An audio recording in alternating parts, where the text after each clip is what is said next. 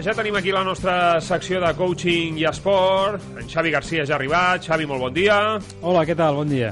Recordareu que la setmana passada vam començar a parlar del que era la, comunica la comunicació de l'entrenador cap al jugador, una comunicació important. Avui la volem tractar, però des de l'altre punt de vista, des del punt de vista de la comunicació de l'esportista cap a l'entrenador. La setmana passada ens vam centrar molt des del tècnic cap al jugador, aquesta setmana ho fem al contrari. Xavi, per començar una mica a nivell introductori, què les diferencia? Aquesta... No, suposo que no és el mateix que l'entrenador es dirigeixi al jugador que, que, que passi a l'inrevés. Uh, de, fet, de fet, si ens ho miréssim bé sí que hauria de ser el mateix, perquè són dues persones que parlen, no?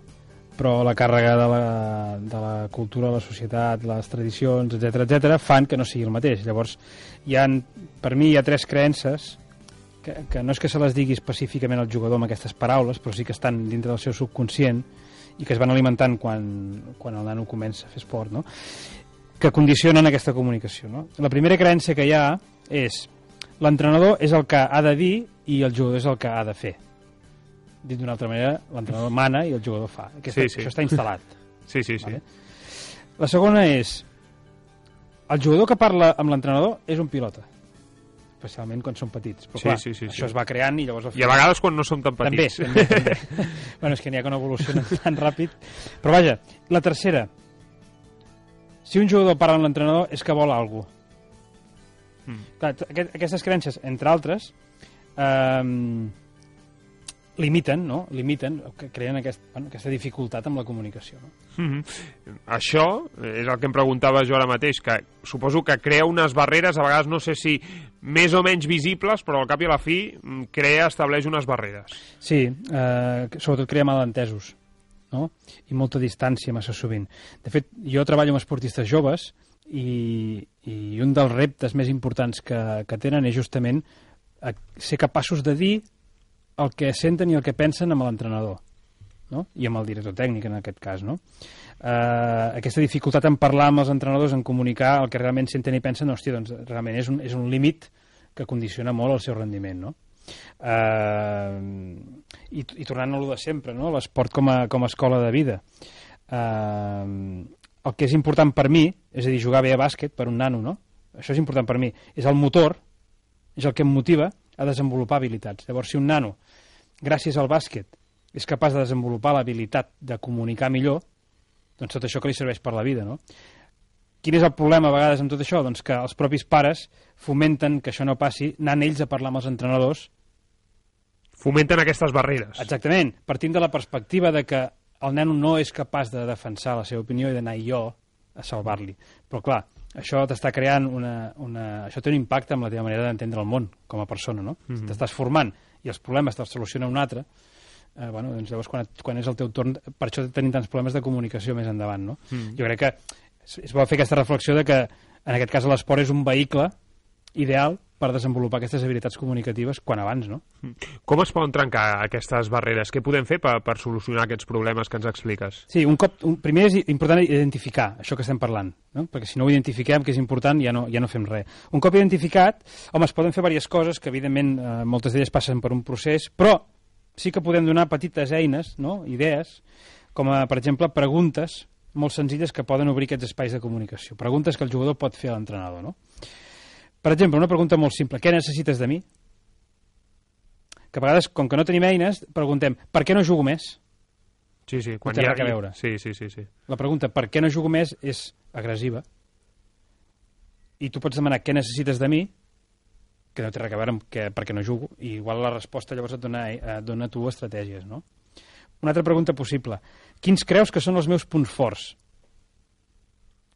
Llavors jo, si rebo aquesta informació dels entrenadors, jo sé què he de potenciar, perquè hosti, això, això, això l'entrenador valora de mi, Mm. no? Mira si anem, deixa'm que et digui, perdona Sí, que sí, i t'interrompi, tant, no, endarrerits, que jo que he estat entrenador de, de bàsquet de, de nens, i, i, i t'ho reconec, eh? si ara estigués entrenant un, un equip de nens, que, que no ho puc fer perquè treballo els caps de setmana, em sobtaria molt que vingués un nen, eh, un nen o un adolescent, eh, i em vingués i em digués, Òscar, eh, com a entrenador meu que ets, eh, quins creus que són els meus punts forts? Quan, evidentment, seria la situació ideal. Sí, el que passa que llavors l'entrenador diria, però home, jo, els punts forts, però si jo m'he de dedicar a buscar les mancances per poder-te corregir i fotre bronques. Que és el que hem parlat moltes altres vegades. Exacte, però llavors també seria una, una manera que el jugador faria ser millor l'entrenador, sí, fent sí. aquest tipus de preguntes. Però clar, això ho hauríem de veure mm, com una situació ben normal i ho veiem com, com Exacte. alguna cosa molt sorprenent que, que no estem habituats a que passi. Però estaràs d'acord amb mi i tots els que ens escolten també que no és tan complicat canviar les paraules Sí, a sí, fer una per això pregunta. estem, sí, no? sí, sí. Llavors, una tercera possibilitat seria què creus que hauria de millorar com a jugador?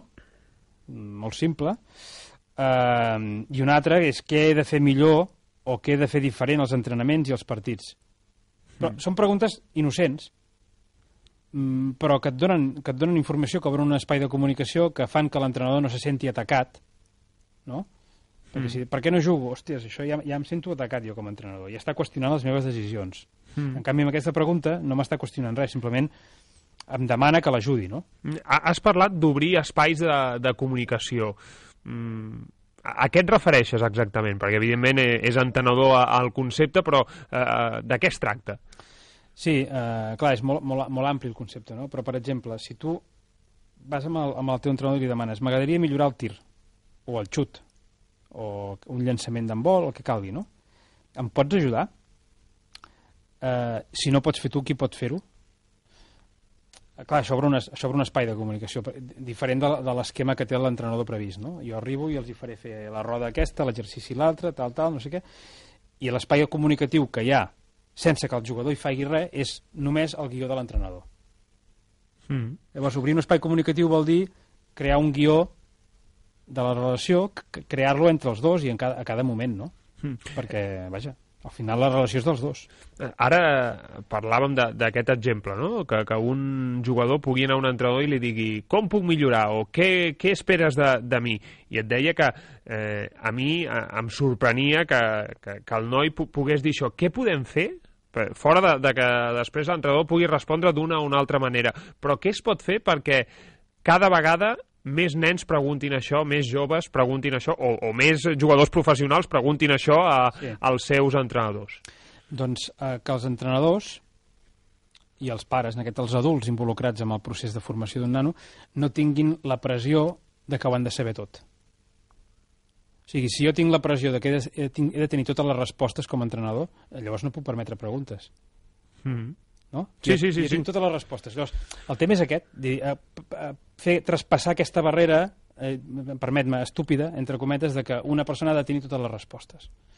Eh, I obrir-ho en un espai on, on, on la gent pugui preguntar i si jo no ho sé, vale, doncs deixa'm-ho pensar i t'ho dic l'entreno que ve, no passa res. No? Sí, sí, sí, sí. El que passa que com que estem educats per haver de tenir totes les respostes, si em pregunten alguna que jo no sé, ah, deixa't de tonteries i tu entrena, per exemple, no? Cosa que jo he fet, també, Sí, eh? sí, sí, sí, per sí. mi, eh? Jo tampoc deia, no, que aquest ho sap tot, no, sap tot no. Però és aquest canvi de, de cultura que, que tant a vegades parlem. Igual com la idea de, de que l'entrenador no pot parlar amb el jugador de temes que no siguin de bàsquet, per què, no? Si un nano, és a dir, un nano té un problema fora del bàsquet i arriba a l'entrenament i a vegades diem, no, no, deixa tots els problemes a fora, del, a fora de, la, de, de la pista. A la pista estem pel que estem. Bueno, són persones i, i tu quan, quan com a entrenador has tingut, t'ha deixat la nòvia, tens un, molts exàmens, 50.000 coses, tu no entrenes igual, doncs el nano tampoc. No, no, o sigui, flexibilitzar molt tot aquest espai, no? Mm. I per acabar, hem parlat molt de com ha de ser aquesta comunicació jugador-entrenador. Mm, Ens escolten, segur, mm, nens de 6 a 10 anys, eh, adolescents que, que fan esport, fins i tot jugadors de futbol de tercera divisió, jugadors de bàsquet, eh, jugadors de... Vaja, absolutament de, de tots els esports segur, i es deuen estar preguntant, molt bé, aquesta és una mica la idea a seguir, però què és el que no s'ha de fer? Bueno, hi hauríem diverses coses, però jo n'he triat dues. Vale? La primera seria, eh, el que no s'ha de fer és amagar un problema físic o emocional realment important, no? O sigui, primer, el que dèiem abans, primer són persones i si, evidentment que hem de treballar la concentració pel que estem fent, però és bo que l'entrenador sàpiga que jo tinc un problema físic. Jo m'he trobat a vegades jugadors que han entrenat amb febre i tu, clar, els veus, els veus tous i tal, i comences a fotre bronques, que estàs fotent, no sé què, i pots arribar a prendre decisions totalment totalment infundades perquè el nano no t'ha dit que ha vingut a entrenar. No 30 tens tota la informació. no, perquè és que és justament és el contrari. És a dir, si, si tu estàs malalt i vens a entrenar, això diu molt de tu. Sí, jo he de sí, saber sí. que estàs malalt. No sí, sí, tens que perquè amagar. no, no, no el tractaràs, evidentment, de la mateixa exactament, manera. Exactament, no? Igual que el tema emocional, no? Si tinc algun problema greu, realment que em preocupa molt, mm, digue-ho a l'entrenador, et deslliures d'aquest problema i l'entrenador no et fotrà bronca sense saber realment què et passa, no? Això un. I l'altre, que és molt obvi, però no per això doncs s'ha de deixar de dir, una altra cosa que no hauríem de fer és contestar a l'entrenador o fer males cares, especialment quan jugues poc. Jo sempre els dic amb els jugadors, aviam, si has jugat 5 minuts i vols jugar més, si em fas mala cara, què penses que jugaràs, més o menys? Mm, sí, sí, és evident. És evident, però resulta que, que, que moltes vegades actuem des d'aquesta, entre cometes, indignació. No? Sense anar tan lluny, la setmana passada Pete Michael eh, li, li va fer un mal gest a Xavi Pasqual, l'entrenador del Barça Bàsquet, i no va tornar a jugar. Sí, sí, sí. Sí, sí, exacte. I bueno, ja No. veurem quines... quines... A vegades no cal anar als, als tan petits per veure accions d'aquest tipus. No, no, no, no. El que passa que justament amb, amb, els, amb els grans, doncs, després hi ha molts factors que intervenen, no? I les coses, entre cometes, es poden arreglar de moltes maneres, però a, a, és més dramàtic l'impacte en, en, en un lloc que ningú veu i l'entrenador automàticament canvia la seva perspectiva cap a aquest jugador i tot és diferent la resta de la temporada perquè l'has contestat malament. Llavors, jo crec que l'impacte en aquest cas és més gran com més anònim és el- l'entorn, no? Avui hem parlat d'una miqueta de les claus d'aquesta comunicació jugador-entrenador. La setmana passada ho vam fer des de la vessant de l'entrenador, de la comunicació que ha de tenir cap al jugador. Avui ho hem volgut fer des de la part del jugador que està a la pista, que està al camp, cap al seu entrenador. No, com sempre, i com li agrada dir al Xavi, no és cap recepta màgica, tampoc cap... No, no, cap són idees. Són idees, cap pauta a seguir, però, evidentment, aquí us donem aquestes idees, qui vol les agafa i qui no, no. Xavi, moltíssimes gràcies. Fins dissabte vinent, que vagi molt bé. Gràcies.